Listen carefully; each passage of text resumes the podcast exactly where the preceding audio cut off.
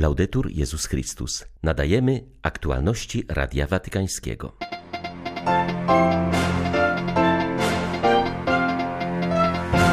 Na zakończenie tygodnia modlitw o jedność chrześcijan papież przewodniczy dziś ekumenicznym nieszporom. Wpatrujmy się w Jezusa i módlmy się za siebie nawzajem, apeluje Franciszek. Trwają przygotowania do ogłoszonego na jutro Dnia Modlitwy o pokój na Ukrainie. Zagrożenie wojną umacnia i jednoczy Ukraińców, również w modlitwie, zapewnia nuncjusz apostolski w Kijowie.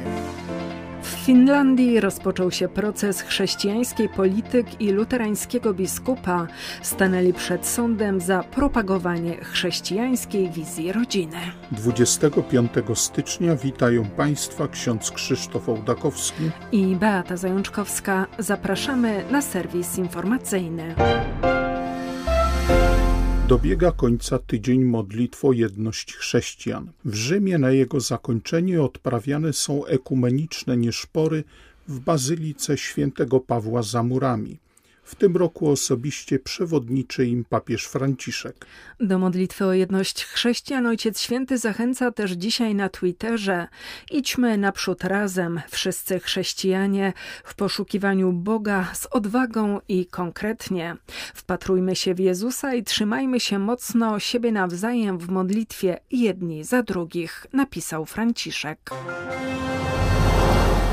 Franciszek zadzwonił do włoskiej rodziny zastępczej wychowującej dwoje niepełnosprawnych dzieci i podziękował za okazane przez nich serce. Miałam wrażenie, że rozmawiam z przyjacielem. Chciał poznać bliżej historię naszych dzieci. Wyznaje Katerina, która długo nie mogła uwierzyć, że słyszy w słuchawce głos papieża. Ojciec Święty poznał historię tej rodziny dzięki ich przyjaciołom, którzy też mają niepełnosprawne dzieci. Byli oni ostatnio na audiencji w Watykanie, podczas której wręczyli papieżowi list od Kateryny, Bruno i ich dzieci, opisujący realia ich życia. Napisali Franciszkowi m.in. o tym, że przysposobiona córeczka nie chodzi i nie mówi, ale dzięki wszczepieniu specjalnej protezy słucha muzyki, którą kocha i może usłyszeć głosy swoich bliskich. Pisali też o dwóch naturalnych synach, z których jeden choruje na autyzm i o jego ogromnej wierze. Katerina i Bruno mieszkają pod Turynem, należą do wspólnoty Jana XXIII. Prawie dekadę temu otworzyli drzwi swojego domu przed potrzebującymi dziećmi i od tego czasu przyjęli ich pod swój dach piętnaścioro. Tuż przed pandemią włączyli się też w program Zabierz mnie do domu. Jego celem jest uwrażliwianie rodzin na potrzeby dzieci porzuconych po urodzeniu i wychodzących z trudnych sytuacji. Dzwoniąc do nich, Franciszek podziękował im za wszystko, co robią dla chorych i potrzebujących dzieci. Papież jest na Ukrainie zwierzchnikiem religijnym o największym zaufaniu społecznym, dlatego jego niedzielny apel o pokój dodał Ukraińcom otuchy, mówi Radiu Watykańskiemu nowy papieski przedstawiciel w tym kraju, arcybiskup Wiswalda Kulbokas. Podkreśla on, że zagrożeni wojną ludzie wiedzą, że w tej trudnej dla Ukrainy sytuacji nie są sami, że o nich nie zapomniano. Jest to dla nich wielkie wsparcie. Nuncjusz apostolski na Ukrainie zapewnia, że bardzo intensywna jest tam w tych dniach modlitwa o pokój. Mając na względzie apel papieża, który ogłosił na jutro dzień modlitwy w tej intencji, arcybiskup Kulbokas będzie uczestniczył w liturgii zorganizowanej przez wspólnotę świętego Idziego w rzymskokatolickiej katedrze w Kijowie. Jak zapewnia pochodzący z Litwy papieski dyplomata, świadomość zagrożenia przyczyniła się do integracji ukraińskiego społeczeństwa. Jednym z aspektów, które dostrzegłem od samego początku mojej misji nuncjusza, odkąd przybyłem do Kijowa we wrześniu ubiegłego roku, jest fakt, że wojna, która trwa już od ośmiu lat we wschodnich regionach kraju, spowodowała oczywiście wiele problemów. Niektórzy stracili swoich najbliższych. Ja sam poznałem różnych ludzi zniszczonych przez wojnę, bo stracili zdrowie, dom czy pracę.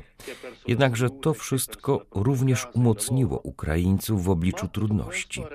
Ryzyko zaostrzenia konfliktu jest przyjmowane z większą odwagą jeśli porównamy to z innymi krajami czy regionami, które żyją w pokoju. Oczywiście jest niepokój, ale zarazem dostrzegam też wielką miłość do ojczyzny. Postanowienie, by jeśli pojawią się trudności, spełnić swój obowiązek. Jak wiadomo, są tu Ukraińcy, którzy mówią po ukraińsku. Są regiony, gdzie dominuje język rosyjski albo też obszary, gdzie znacząca jest obecność języka polskiego, węgierskiego czy innych jeszcze języków, ale w tych ostatnich miesiącach mogłem docenić miłość do Ukrainy, która jednoczy wszystkich tych ludzi. Nie twierdzę, że nie ma trudności, ale ogólnie rzecz biorąc, właśnie ten konflikt wzmocnił spójność tego kraju. Spragnieni pokoju są w sposób szczególny mieszkańcy wschodnich regionów Ukrainy, gdzie od ośmiu lat trwa wojna. Papieski apel o modlitwę odbierają jako konkretny wkład w proces pokojowy. W obliczu konfliktu zbrojnego coraz więcej ludzi dostrzega, że modlitwa jest konkretnym środkiem wsparcia wysiłków na rzecz utrzymania pokoju. Zdaniem biskupa pomocniczego diecezji charkowsko-zaporowskiej Jana Sobiło, diecezji na terenie której od 2014 roku trwa konflikt zbrojny, modlitwa o pokój, jaką proponuje światu papież Franciszek, jest bardzo potrzebna. Ta wojna trwa, a teraz jesteśmy przed wielkim niebezpieczeństwem eskalacji tej wojny, rozszerzenia, dlatego że wielka liczba żołnierzy armii rosyjskiej stoi u granic Ukrainy i jednocześnie są to granice naszej diecezji charkowsko-zaporowskiej. Ojciec Święty wie, że modlitwa całego świata jest w stanie zatrzymać wojnę. Modlitwa i post to jest ogromna siła i dlatego to jest ta broń, którą możemy się obronić przed niebezpieczeństwem wojny, przed agresją. I jesteśmy niezmiernie wdzięczni Ojcu Świętemu za wierne trwanie przy sprawie ukraińskiej przez tyle lat, a szczególnie w tej chwili, kiedy zagrożenie jest ogromne i Ojca Świętego słowa są dla nas jak wielkie przedmurze w czasie tego niebezpieczeństwa. Dał nam otuchę, że jeszcze nie wszystko jest e, stracone, że jeszcze nie trzeba uciekać z Ukrainy, dlatego że modlitwa może powstrzymać groźbę tej wojny. Modlitwa o pokój na Ukrainie towarzyszyła kończącemu się właśnie tygodniowi modlitw o jedność chrześcijan. Wyznawcy wszystkich chrześcijańskich kościołów na Ukrainie są zgodni, że wysiłek o utrzymanie pokoju jest obowiązkiem wszystkich wierzących w Chrystusa. Z Ukrainy dla Radia Watykańskiego ksiądz Mariusz Krawiec, Paulista. Finlandii ruszył proces znanej polityk za to, że cytowała świętego Pawła. Wraz z nią przed sądem stanął luterański biskup, który opublikował jej książkę zatytułowaną Mężczyzną i niewiastą stworzył ich. Obydwoje oskarżani są o podżeganie do nienawiści przeciwko homoseksualistom. Ich adwokat podkreśla, że proces ten ma fundamentalne znaczenie, gdy chodzi o przyszłość demokracji w Europie i prawo chrześcijan do wolnego wyrażania swej wiary. Proces ruszył wczoraj w Helsinkach. 63-letnia Päivi Razanen, która jest byłą minister spraw wewnętrznych Finlandii i parlamentarzystką z ramienia Chrześcijańskiej Partii Demokratycznej, przyszła do gmachu sądu z własną Biblią, za cytowanie której została oskarżona. Zarzuca się jej także, że skrytykowała Kościół luterański za popieranie ideologii LGBT i napisała książkę przedstawiającą chrześcijańską wizję rodziny. Za wydanie tej książki wraz z nią przed sądem stanął luterański biskup Juhana Pochjola. Obydwojgu grożą dwa lata więzienia za obrazę homoseksualistów. Wauli Rasonen zeznała, że wizja małżeństwa, jaką prezentuje, wynika z jej chrześcijańskiej wiary, która głosi, że małżeństwo jest związkiem jedynie kobiety i mężczyzny, jak naucza tego Biblia. Podkreśliła zarazem, że poglądy te nie wypływają z nienawiści wobec kogokolwiek, Prokurator generalny stwierdził jednak, że ten, kto krytykuje postępowanie homoseksualistów, intencyjnie prowokuje nienawiść wobec osób homoseksualnych. Rozprawa została odroczona do 14 lutego. Adwokat oskarżonych wskazuje, że sprawa ta będzie miała ogromne znaczenie dla poszanowania praw chrześcijan. Nawet jeśli zostaną uniewinnieni, to i tak ludzie będą się coraz bardziej bali otwarcie wyrażać swe opinie, w obawie, by nie stanąć przed sądem, podkreśla Lorcan Price. Przypomina zarazem, że pod pretekstem ochrony środowisk LGBT coraz więcej państw wdraża przepisy poważnie ograniczające możliwość jakiejkolwiek dyskusji na ten temat. Przykładem jest procedowane we Włoszech prawo ZAN, którego przyjęcie naruszałoby prawa chrześcijan w zakresie wolności słowa, opinii i edukacji. Kardynał Michael Czerny przewodniczył modlitwie w intencji mieszkańców wysp Tonga, którzy ucierpieli ostatnio w wyniku katastrofalnej w skutkach erupcji wulkanu. Spotkanie odbyło się w rzymskiej bazylice Matki Bożej na Zatybrzu. Kataklizm spowodował co prawda śmierć jedynie trzech osób, ale straty materialne są ogromne i powrót do normalnego życia zajmie dużo czasu. Kardynał Czerny stwierdził, że była to katastrofa szokująca swym rozmiarem i nagłym wyzwoleniem sił natury, co uwidoczniło jeszcze bardziej naszą kruchość.